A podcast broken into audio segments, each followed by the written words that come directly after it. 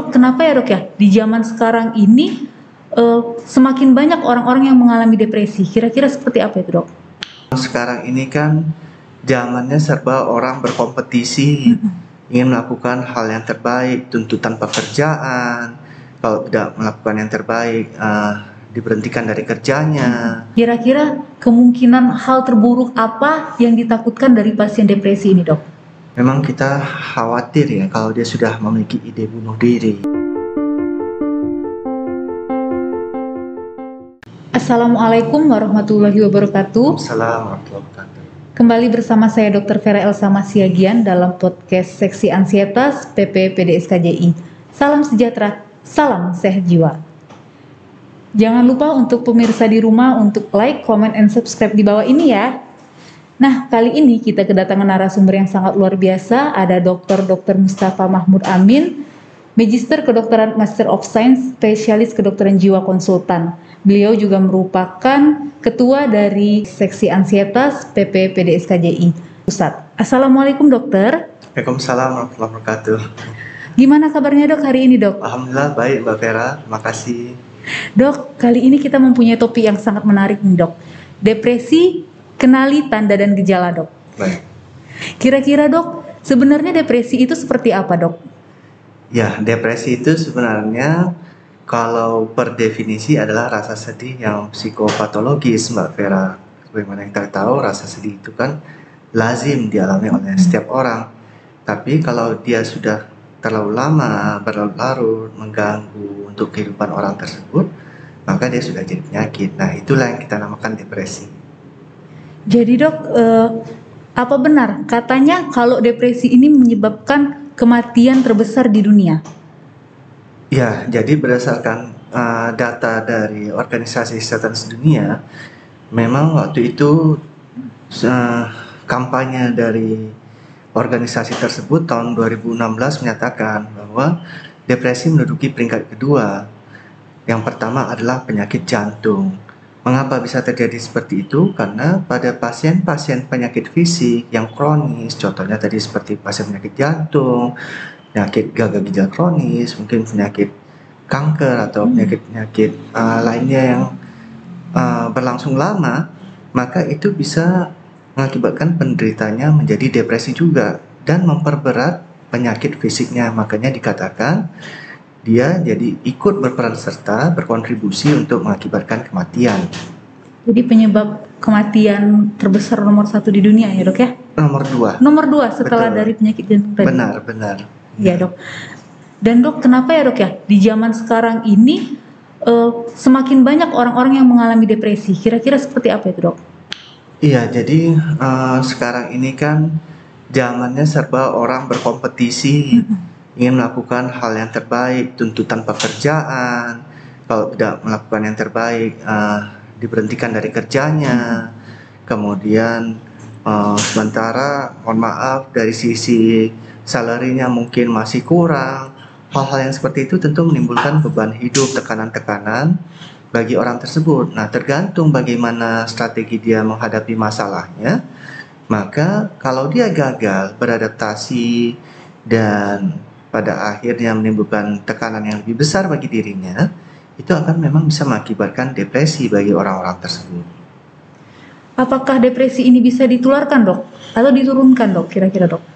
Kalau untuk ditularkan, syukurnya tidak. Tidak ya dok ya? ya, Mhm. tidak bisa ditularkan depresi ini. Tapi depresi ini bisa memang salah satu uh, penyebabnya itu memang ke- diturunkan karena untuk gangguan mood, depresi ini termasuk gangguan mood, memang ada gen-gen tertentu yang bisa diturunkan sehingga uh, bila memiliki saudara uh, derajat pertama atau derajat kedua yang ada mengalami depresi, maka kecenderungan itu akan menjadi lebih besar untuk orang di bawah atau di sampingnya untuk mengalami depresi juga. Jadi kalau ada keluarga umpama orang tua dengan depresi, sangat besar kemungkinan anaknya bisa mengalami depresi ya dok? Ada kecenderungan, Ada kecenderungan. kecenderungan Oke. bahwa anaknya juga bisa mengalami seperti itu ya. Untuk gejala-gejalanya dari depresi ini apa aja ya dok? Jadi karena depresi ini adalah suatu gangguan mood, maka tentu gejala utamanya adalah mood yang depresif, mood yang Mood yang tertekan. depresif, tertekan ya dok? Benar, Mm-mm. dan kemudian biasanya diikuti gejala-gejala lain seperti tidurnya terganggu. Pada orang depresi ini umumnya dia terbangun dua jam lebih awal dari eh, tidurnya yang biasanya. Nah, kalau dia biasa bangun jam 6 atau jam 5 pagi, maka sekarang dia bangun jam 4, jam 3 pagi dan nggak bisa tertidur lagi. Nggak nyenyak jadi dia ya dok? Benar, dan dia eh, coba-coba untuk tidur nggak bisa juga. Selanjutnya dia kehilangan minat, menjadi lebih malas, nggak mau ngapa-ngapain. Kemudian muncul rasa penyesalan yang mendalam, seperti itu ya teringat selalu pada masa lalunya, mudah lelah, Mudah lelah juga ya dok? baru bekerja sedikit sudah rasanya seperti kerja seharian, konsentrasinya menurun, selera makannya pun juga menurun. Biasanya orang dengan depresi ini berat badannya juga menurun, kemudian menjadi lebih lambat. Dia bilang saya belakangan ini jadi nggak sigap dok, seperti itu ya. Kalau memang- bersemangat gitu dok ya? Benar dan Nah. gerakan saya jadi lambat, berpikir saya jadi lebih lambat. Dan biasanya kalau depresinya sudah menjadi depresi berat, maka biasanya ada muncul kecenderungan untuk ide bunuh diri. Nah, itu sebenarnya yang Sampai bunuh diri ya dok? benar, itu sebenarnya yang kita khawatirkan. Jangan sampai terjadi pada orang yang mengalami depresi tersebut. Hal-hal apa aja dok kira-kira dok yang bisa menyebabkan seseorang itu mengalami depresi dok? Jadi kalau secara kedokteran orang yang uh, terpapar terlalu lama dengan stres itu kan akan mengaktifkan hormon stresnya secara terus-menerus. Nah, hormon stres ini harusnya begitu kita sudah tidak berada dalam suasana stres lagi, maka dia akan menurun kadarnya. Nah, pada orang yang terus-menerus stres, kadarnya selalu tinggi. Nah, saat kadarnya selalu tinggi ini dia akan memberikan dampak ke bagian tubuh lain. Nah, di sini yang memberikan dampaknya adalah pada otak. Ada bagian di otak itu namanya hipokampus, itu akan menjadi lebih kecil ukurannya dibandingkan orang normal. Nah, pada saat seperti itu, maka mulailah dia mengganggu eh, fungsi-fungsi saraf yang lain. Contohnya seperti zat-zat kimia di otak mulai terganggu, menurun kadarnya. Nah, kalau sudah sampai tahap seperti itu, maka orang tersebut mulai dia merasakan ada gejala-gejala depresi di dalam dirinya. Jadi yang membedakan antara stres dan depresi itu seperti apa dok? Kalau stres itu kan semua orang bisa mengalaminya ya. Nah. Uh, uh, memang yang kita alami sehari-hari tergantung kita bagaimana menghadapinya, kita juga bisa mengatasinya. Nah kalau depresi itu dia sudah menjadi suatu penyakit Mbak Vera. Jadi kalau depresi maka orang tersebut uh, samalah seperti misalnya kalau dia uh, demam, sudah ada penyakit demam gitu ya. Atau kalau misalnya dia um, kita katakan penyakit flu, maka depresi itu juga seperti itu. Dikatakan memang semua orang bisa kena, semua orang bisa cegah depresi biasa seperti itu juga. Untuk orang yang sudah mengalami depresi dok, kira-kira kapan waktu yang tepat untuk mereka datang meminta bantuan, baik itu ke psikiater ataupun ke psikolog dok? Ya, betul sekali. Jadi kalau dia sudah merasakan gejala-gejala yang seperti kita diskusikan tadi, maka itu adalah saatnya dia meminta pertolongan praktisi kesehatan. Dalam ini mungkin dia bisa uh, jumpa ke dokter umum terlebih dahulu atau langsung ke psikiater juga boleh. Nah, kalau dia memang mau, sekarang kan banyak itu skala penilaian, skala penilaian yang bisa diunduh secara gratis melalui internet. Contohnya uh, Patient Healthcare Questionnaire 9 ya atau Back Depression Inventory. Nah, nanti dia isi saja skala penilaian itu kalau memang sampai pada uh, titik potong tertentu dia sudah tahu oh ini ternyata saya depresinya ringan, sedang, berat. Nah, kalau dia sudah mengisi kuesioner tersebut dan sudah sampai tahap dia depresi sedang, sebenarnya dia sudah harus konsul ke praktisi kesehatan, Mbak Vera. Terus apakah eh, depresi ini bisa disembuhkan dok? Bisa. Bisa Jadi ya dok? eh, termasuk penyakit gangguan jiwa yang bisa disembuhkan depresi ini. Jadi memang untuk terapinya itu biasanya kita gabungkan antara obat.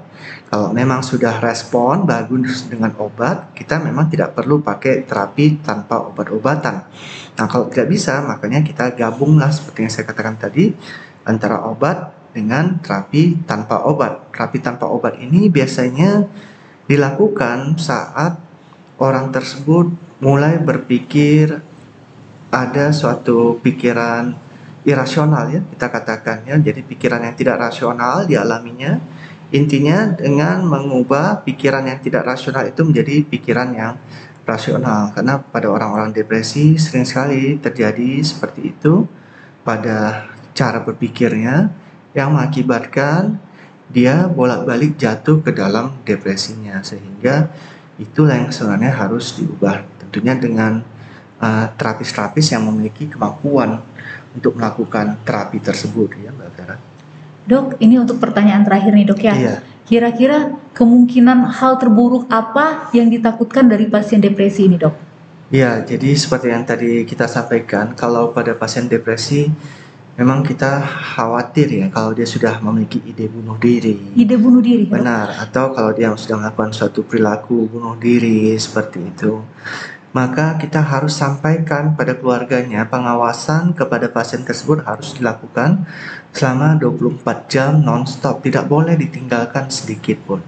Nah, bila uh, memang di rumah atau tempat tinggal pasien tersebut ada benda-benda tajam, maka dikumpulkanlah di dalam satu tempat, disimpan, dikunci, dan jangan diketahui oleh si pasien di mana disimpan benda-benda uh, tersebut. Kita khawatir karena orang yang sudah memiliki ide bunuh diri ini kita tidak tahu kapan dia melakukannya. Jadi lebih bagus kita memantau, menjaga orang tersebut jangan sampai ada kesempatan sedikit pun bagi dirinya untuk melakukan tindakan mencelakai dirinya tersebut. Seperti itu Mbak Vera. Jadi memang sangat menakutkan depresi ini ya dok, bisa Iya, sampai betul. menyebabkan bunuh diri. Betul, betul. Pengaruhnya memang sangat-sangat luar biasa ya dok. Iya, iya. Dok, eh, karena kita juga keterbatasan waktu, kami sangat berterima kasih atas kesempatan dan waktu dokter untuk berkenan hadir di podcast kami. Terima kasih Mbak Vera. Semoga di episode-episode berikutnya dokter berkenan untuk hadir kembali. Terima kasih. Baik. Dok, kira-kira dok untuk teman-teman di rumah yang ingin konsultasi, ke mana ya dok ya biar bisa jumpa sama dokter dok? Oh ya baik. Eh, saya ada di Rumah Sakit Siloam Dirgasurya Medan setiap hari Jumat dan Sabtu dan di klinik utama Bina Atma Medan juga setiap hari Senin sampai dengan Rabu. Berarti untuk teman-teman di rumah yang ingin jumpa dengan Dokter Mustafa yang ingin konsultasi bisa ke Rumah Sakit Siloam atau Klinik Bina Atma. Oke, demikianlah podcast kita kali ini. Terima kasih untuk semuanya. Tiada kesehatan tanpa kesehatan jiwa. Wabillahi taufiq wal hidayah. Assalamualaikum warahmatullahi wabarakatuh. Waalaikumsalam warahmatullahi wabarakatuh.